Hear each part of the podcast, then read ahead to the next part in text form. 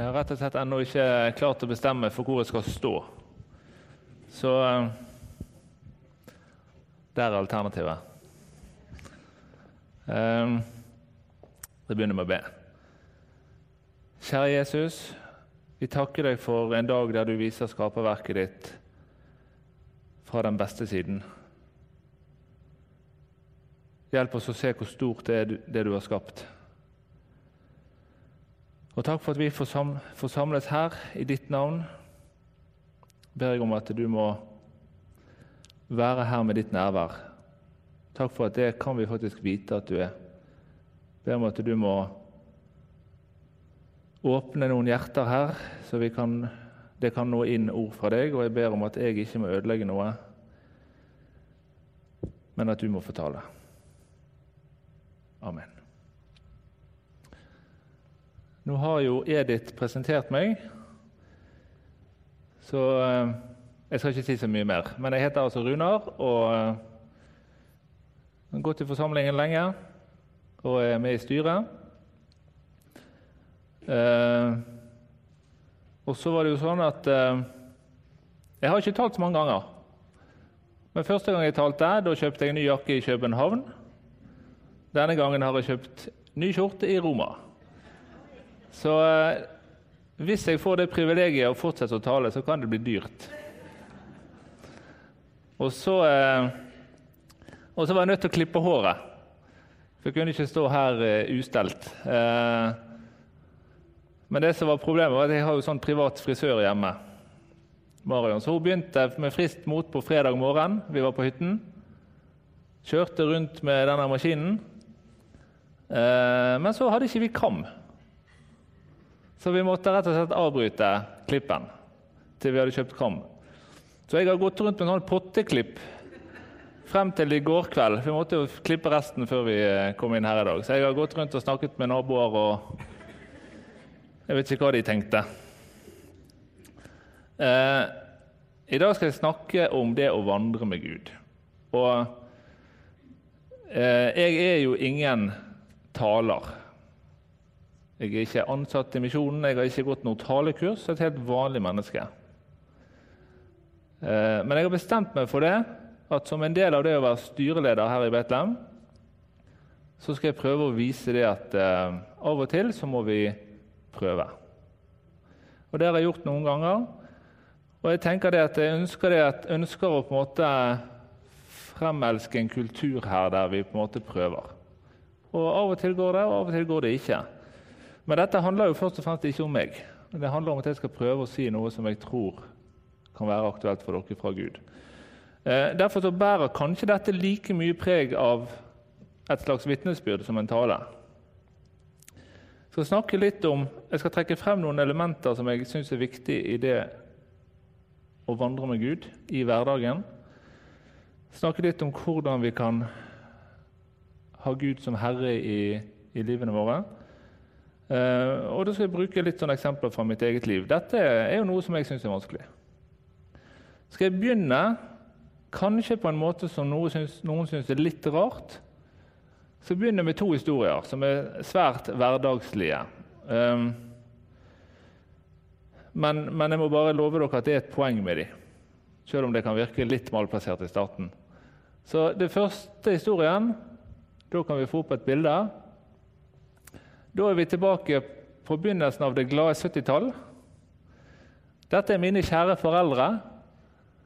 Eh, jeg må jo bare eh, minne om, jeg må si at Min far ringte meg en sære nå i helgen og sa du må huske hvem du skal ha fokus på. Og Da mente han at det ikke skulle være han. Og det ikke skulle være hun heller. Eh, ja, jeg lovte det, at, men historien er her som en inngangsport. Hvis du går ett bilde til Det er, er 70-tallsbilder. De er litt vanskelige å se. De er dårlige. Men eh, min far kommer fra Ålesund, og min mor kommer fra Askøy. Og De studerte i Bergen og giftet seg her og bodde her, men de måtte jo selvfølgelig av og til til Ålesund. Så det var en kveldsstund i mørket oppover de kjørte. Det er faktisk til og med rett bil. En Toyota. Eh, kjørte de forbi Stryn, Og så kjørte de opp oppover bakken der, og så registrerte de at de passerte noe som het Stryn mekaniske verksted. Som sikkert er et helt vanlig verksted. Kjørte de videre, koste seg på tur. Eh, jeg vet ikke hvor lenge det hadde gått, men eh, etter en god stund så kjørte de forbi et mekanisk verksted en gang til.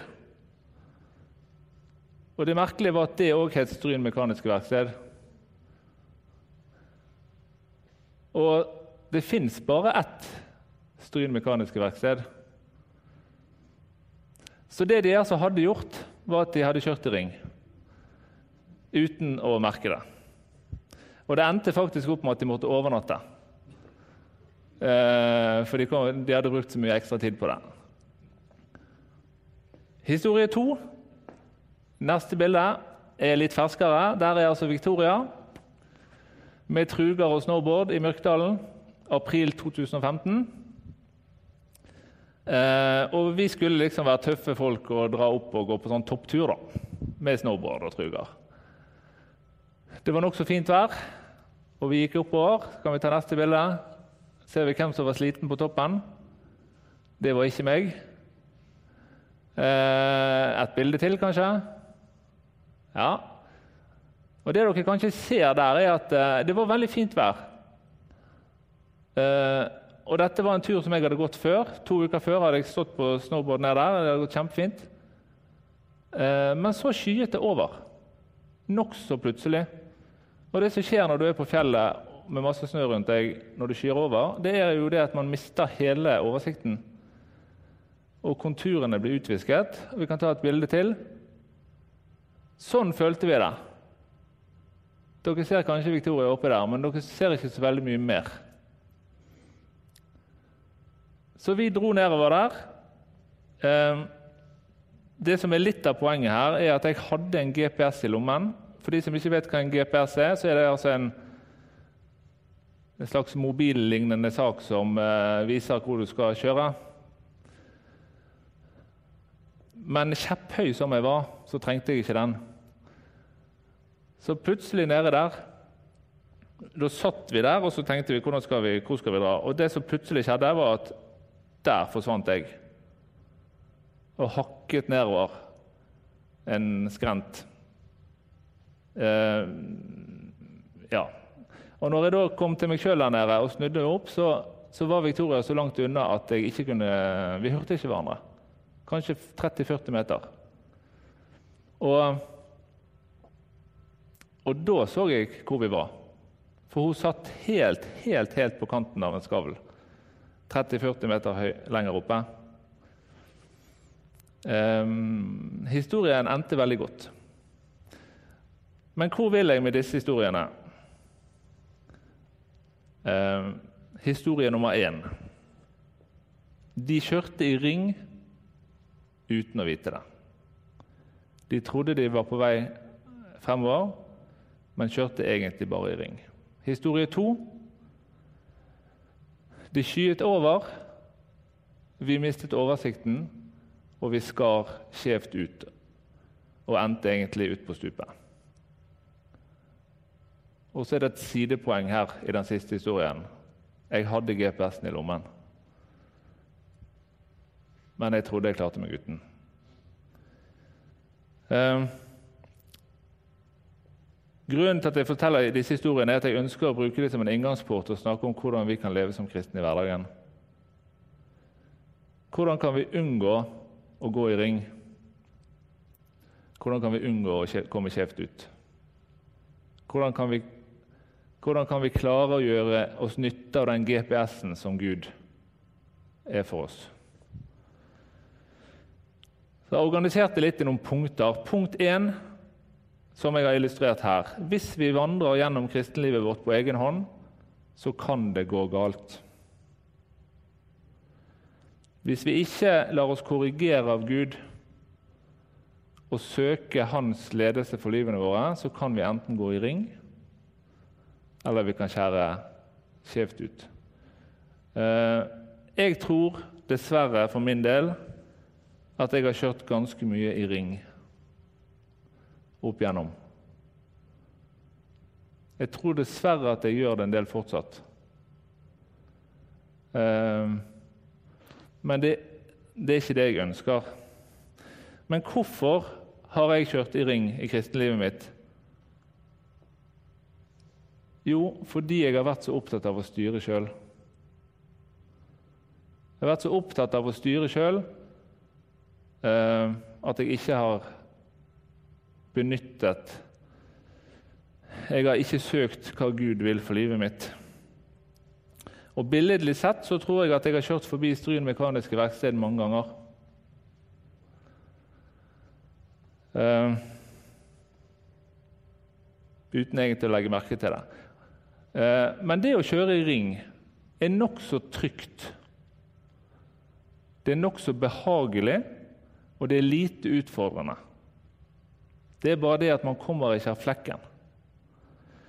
Og Det jeg har tenkt etter hvert, er at det er faktisk litt kjedelig. Jeg har visst at jeg går glipp av noe. Jeg har visst at Gud har mer for meg enn det jeg har opplevd i ringen min. Eh, men jeg har ikke gjort nytte av det. Punkt to vi kan slippe å vandre alene. Vi kan slippe å vandre alene.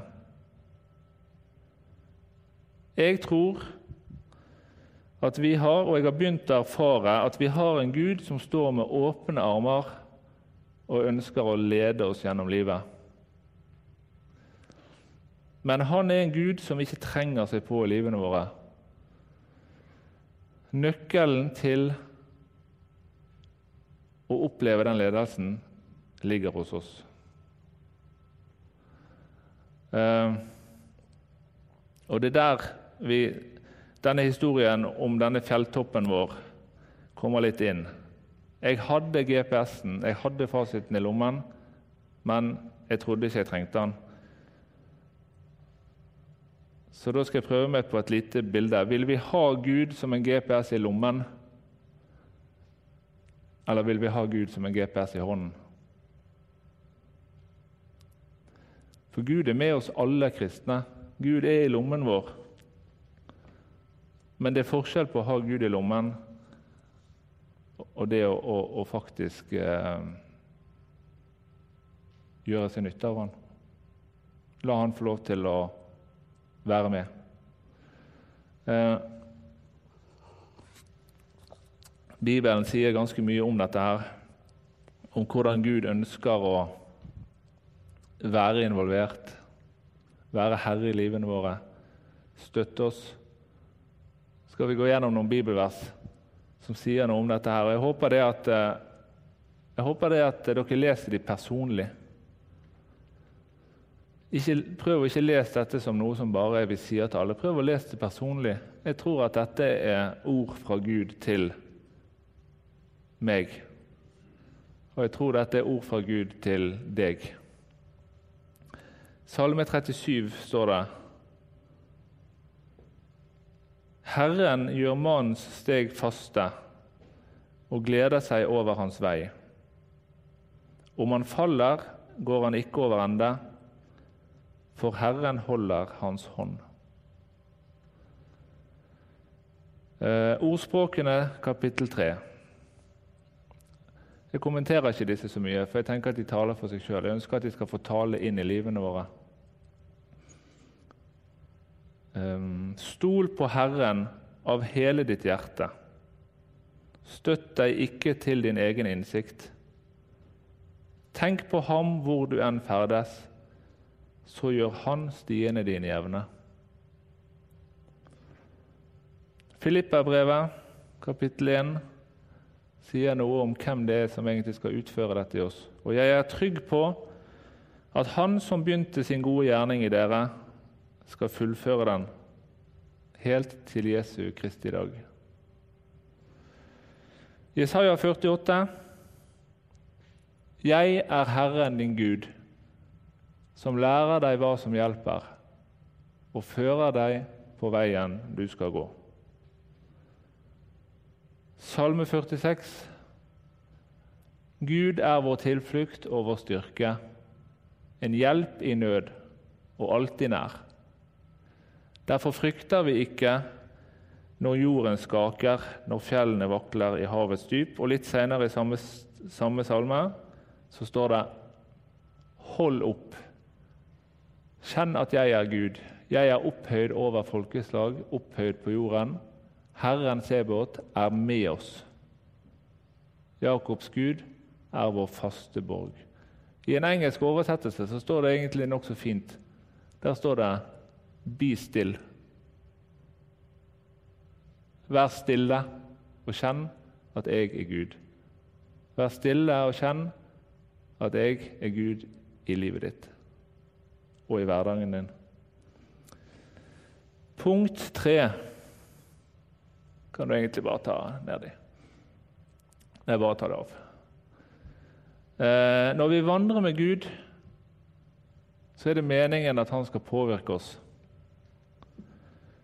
Eh, dette kan selvfølgelig sies på forskjellige måter. Altså, Vi kan modnes, vi kan vokse sammen med Gud. Eh, men her jeg må jeg bare presisere litt. Jeg tror ikke dette handler om at vi skal bli bedre kristne. At vi skal bli, bli mer produktive kristne, at det skal se bedre ut. Da blir det et slit. Jeg tror det handler om å bli bedre kjent med Gud. Gjøre oss tilgjengelig for at Han eh, skal få si noe inn i livene våre. Jeg tror det handler om et personlig forhold til Gud mye mer enn om hva vi skal produsere for Gud. Eh, noe som jeg er blitt mer og mer klar over i mitt liv over de siste årene, er at jeg klarer ikke å modnes åndelig på egen hånd. Det får jeg ikke til, og jeg tror ikke det er noen som får det til. Det er det Jesus og Den hellige ånd som skal ta seg av. Men det, har, det som har gått opp for meg, er hva som er min oppgave. Og jeg erfarer og opplever og tror at min oppgave er å rette oppmerksomheten mot Jesus. Resten er opp til han. Men hvis jeg velger å ikke rette oppmerksomheten min mot Jesus, så vil han heller ikke prege meg. Jeg skal lese Kolosserbrevet kapittel 1, nei, kapittel 3 og vers 1. Der står det Er dere da reist opp med Kristus, så søk det som er der oppe hvor Kristus sitter ved Guds høyre hånd. La sinnet være vendt mot det som er der oppe, ikke mot det som er på jorden.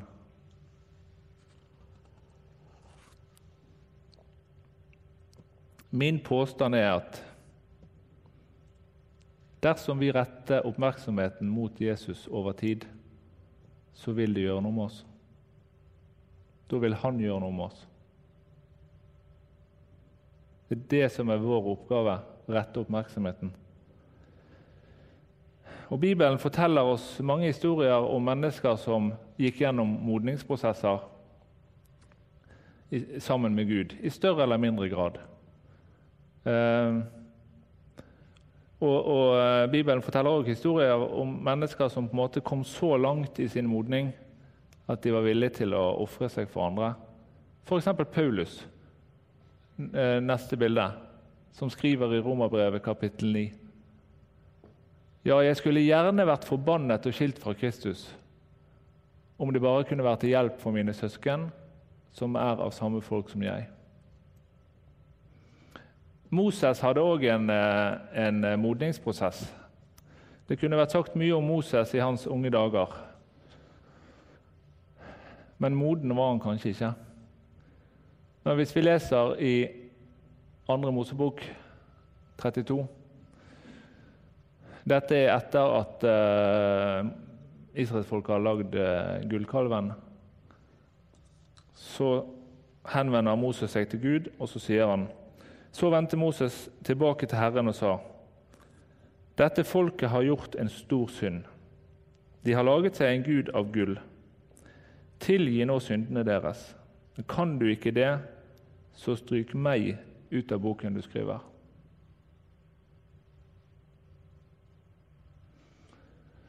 Det er en modningsprosess. Eh, og så er det noe herlig med Bibelen, for Bibelen er en ærlig bok. Og Bibelen fremstiller ikke virkeligheten bedre enn den er. Så Bibelen forteller òg om umodne mennesker. F.eks. i Lukas kapittel 9, der, vi, der, det står om disiplene. Disiplene begynte å gjøre seg tanker om hvem som kunne være den største av dem. Det er lett å stå her og si at det er umodent, men det er vel ikke så annerledes enn en, kanskje jeg er sjøl av og til òg. Men vi vet hva som skjedde med disiplene senere i livet. Vi vet hvilken modning Gud satte i gang hos de. Så kanskje litt over til denne litt mer sånn vitnesbyrdaktige delen av talen min, punkt fire. Hvordan kan vi gjøre denne vandringen i praksis? Eh, hvordan kan vi oppleve at vi vandrer med Gud, at Han preger oss, at Han leder oss? Det kan jo virke så vanskelig. Det kan det. Og Egentlig er det noe av dette jeg ønsker mest å, å, å, på en måte få sagt i dag. Altså, Hvordan kan vi vandre med Gud i praksis? Eh, men som sagt Jeg kan jo ikke noe mer om det jeg enn dere, men jeg kan i hvert fall si noe om, om det jeg opplever og har erfart i mitt eget liv. Jeg tror Vi går ved en åtte-ti år tilbake i mitt liv. Så tror jeg det eneste jeg gjorde var å kjøre i ring. Jeg tror egentlig ikke jeg hadde noen følere ute i det hele tatt for hva Gud ville med livet mitt. Um, Gudsforholdet mitt var teoretisk, og det var livløst. Jeg hørte ikke etter hva Gud ville si, og naturlig nok så hørte jeg heller ikke noe fra han.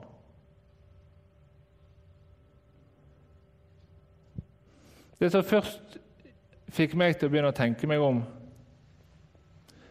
eh, det var barna mine. Ehm, det begynte å gå opp for meg at eh, kanskje jeg ikke kunne regne med at de ville vokse opp som kristne hvis jeg fortsatte på den måten. Hva var det i mitt gudsliv og gudsforhold som var så attraktivt for dem at de skulle velge det samme? Det var begynnelsen i min prosess. Eh, og så var jeg heldig, veldig heldig. Det eh, velger jeg å tro at eh, ikke var så flaks som det kan virke, men at det var ledelse fra Gud. At jeg fikk noen mennesker inn i livet mitt som begynte å lære meg andre måter å gjøre det på. Jeg fikk mennesker inn i livet mitt som eh, viste meg en annen måte å leve sammen med Gud. Mennesker som levde med Gud hver dag. Som hadde en dialog med Gud, som hadde et helt annet fokus enn meg. Um, og det gjorde noe med meg, og det gjorde noe med familien vår. Og det som vi først og fremst lærte av disse menneskene, det er det som jeg sa i stad å rette oppmerksomheten vår mot Jesus. At det er vår oppgave. Um, resten er opp til han. Uh, siden har dette for meg vært en vandring der jeg på en måte prøver å finne verktøyene mine for dette. Uh, og For meg så har stikkordene vært tid, og stillhet. Bønn, Bibel, medvandring og generelt fylle tankene mine mye mer og tiden min mye mer med ting som hjelper meg å rette oppmerksomheten mot Jesus. Det skal jeg komme litt tilbake til. Uh, og Så lærte jeg én ting til av disse menneskene. Og det er det at jeg kan ikke klare å søke Gud alene, som jeg sa i stad. Eh, jeg tror nok jeg har søkt Gud tidligere i livet. Jeg tror jeg har prøvd å søke Gud tidligere i livet, men jeg tror jeg har gjort det helt teoretisk. Jeg tror jeg ikke har forstått denne viktige forutsetningen eh, som heter Den hellige ånd. Eh, jeg prøvde å søke Gud sjøl, men uten å ta imot den hjelpen som han har gitt meg. Og Vi ser det bl.a. på disiplene. Hva var det som gjorde at, de, at det skjedde noe i livene deres? Det var etter de fikk Den hellige ånd. Um, men det som har vært litt vanskelig for meg For jeg er en teoretisk type. Um, og det er litt sånn at Den hellige ånd har vært litt vanskelig å forholde seg til. For det betyr på en måte at jeg må gi litt slipp på mitt eget. Jeg må på en måte gå inn i forholdet til, til Gud og si at, at, nå får du gå litt sånn som du vil. Eh, og jeg må legge vekk noen litt sånn teoretiske prinsipper og på en måte si at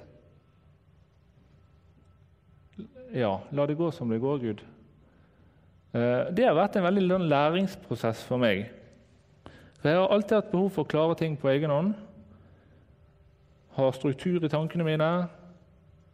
Men jeg har øvd meg på, og jeg øver meg på, å gi litt slipp. Og la Den hellige ånd få lov til å jobbe, selv om det kan virke litt rart for meg. Og selv om, jeg, selv om det er litt uvant. Jeg skal bare dele noe sånn praktisk av hva jeg har gjort de siste årene for å på en måte rette oppmerksomheten mot Gud. Dette er jo ingen fasit. Det er derfor jeg sier det er mer et vitnesbyrd. Eh, for tre år siden begynte jeg med en ting som egentlig ikke har noe med Gud å gjøre, men som jeg har opplevd som en stor velsignelse. Jeg begynte å bygge nøst. Eh, og jeg kan ikke bygge. Det kan du spørre Marion om.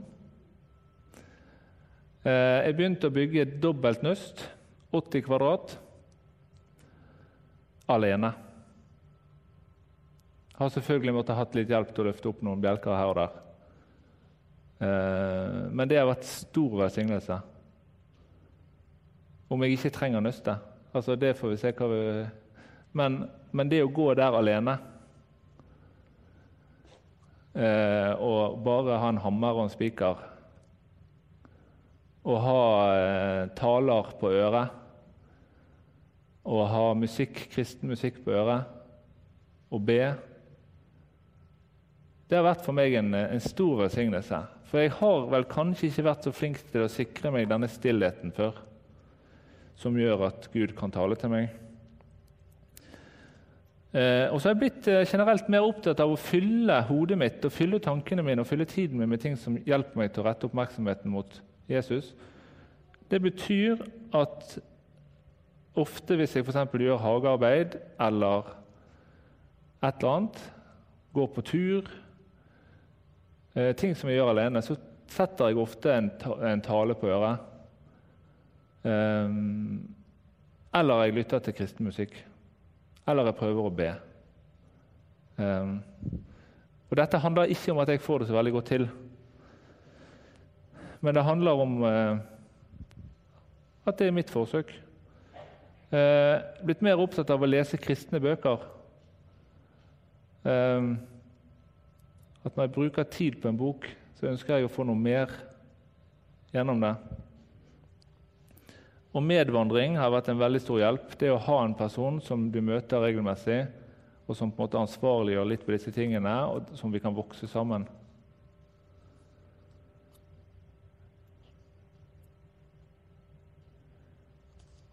Eh, så har jeg et punkt til. Punkt fem. Når vi vandrer med Gud, må vi ofte vente. Jeg tror at eh, vandringen med Gud, der må vi være tålmodige. For hvis jeg søker Gud i dag og tenker at jeg skal få svar i morgen, så er fokuset feil.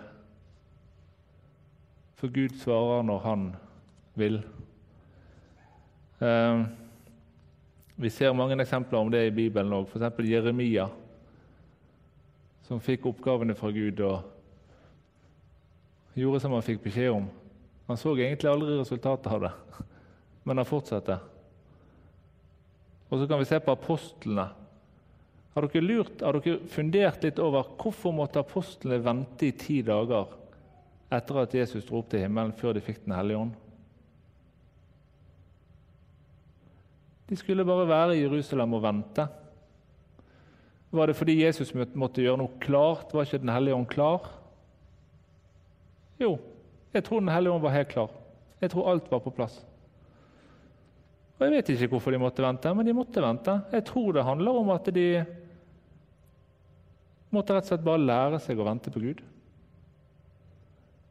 At hvis de hadde løpt ut første dagen og spredd evangeliet, så hadde de kanskje gjort det mer i egen, egen kraft.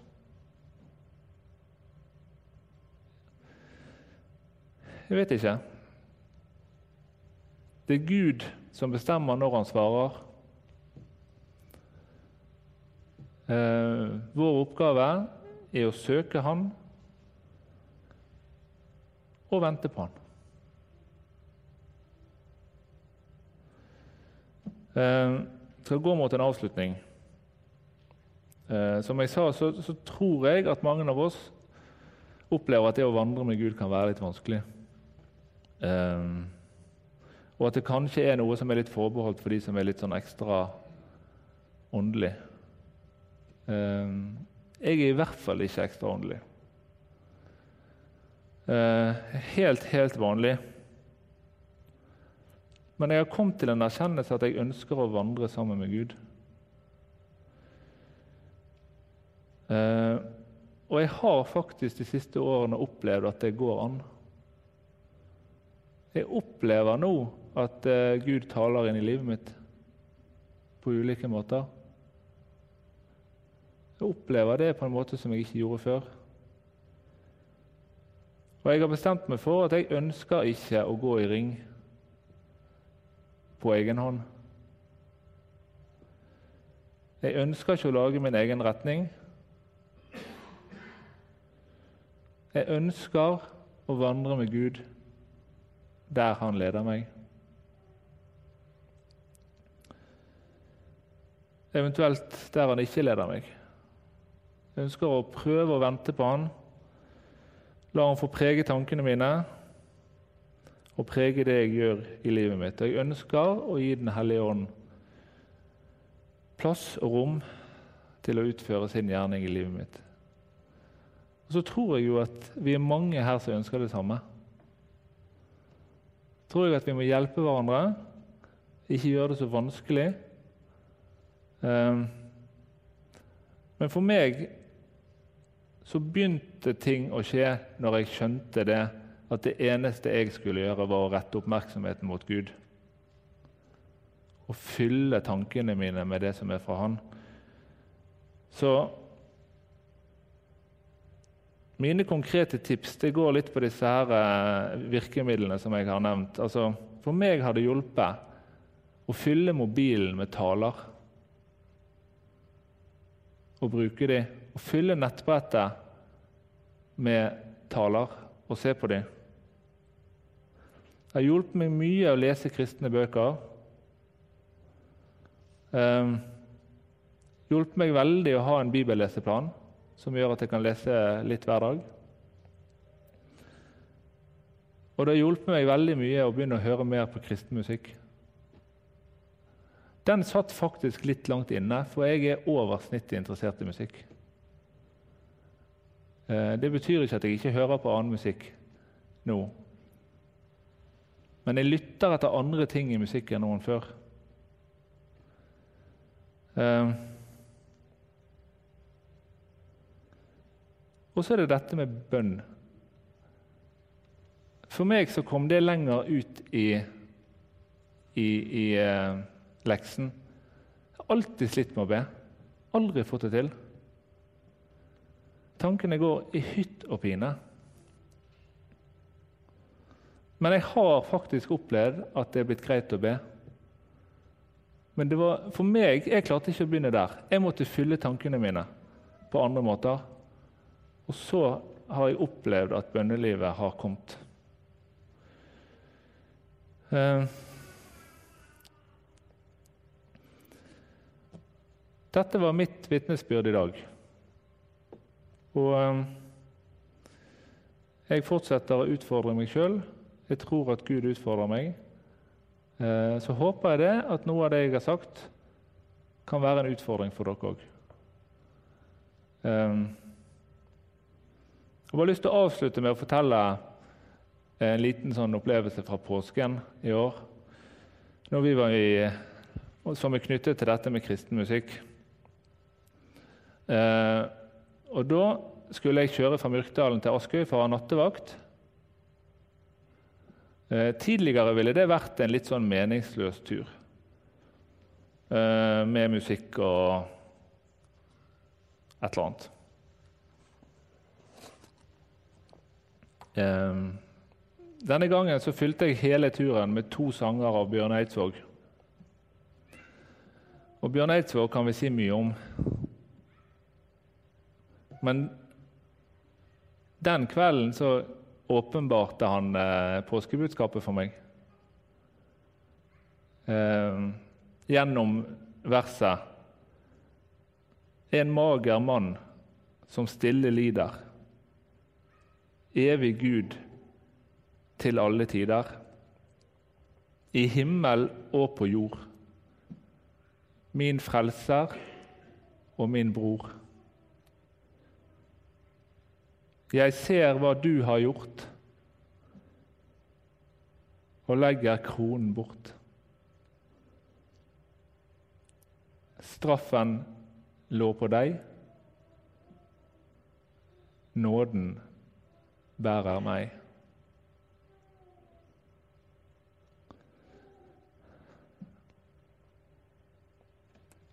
Det ble min påskegudstjeneste i bilen.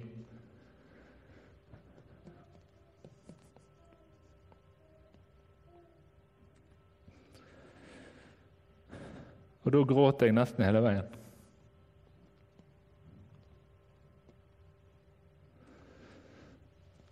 For jeg tror Gud brukte en sang til å fortelle hva han hadde gjort for meg.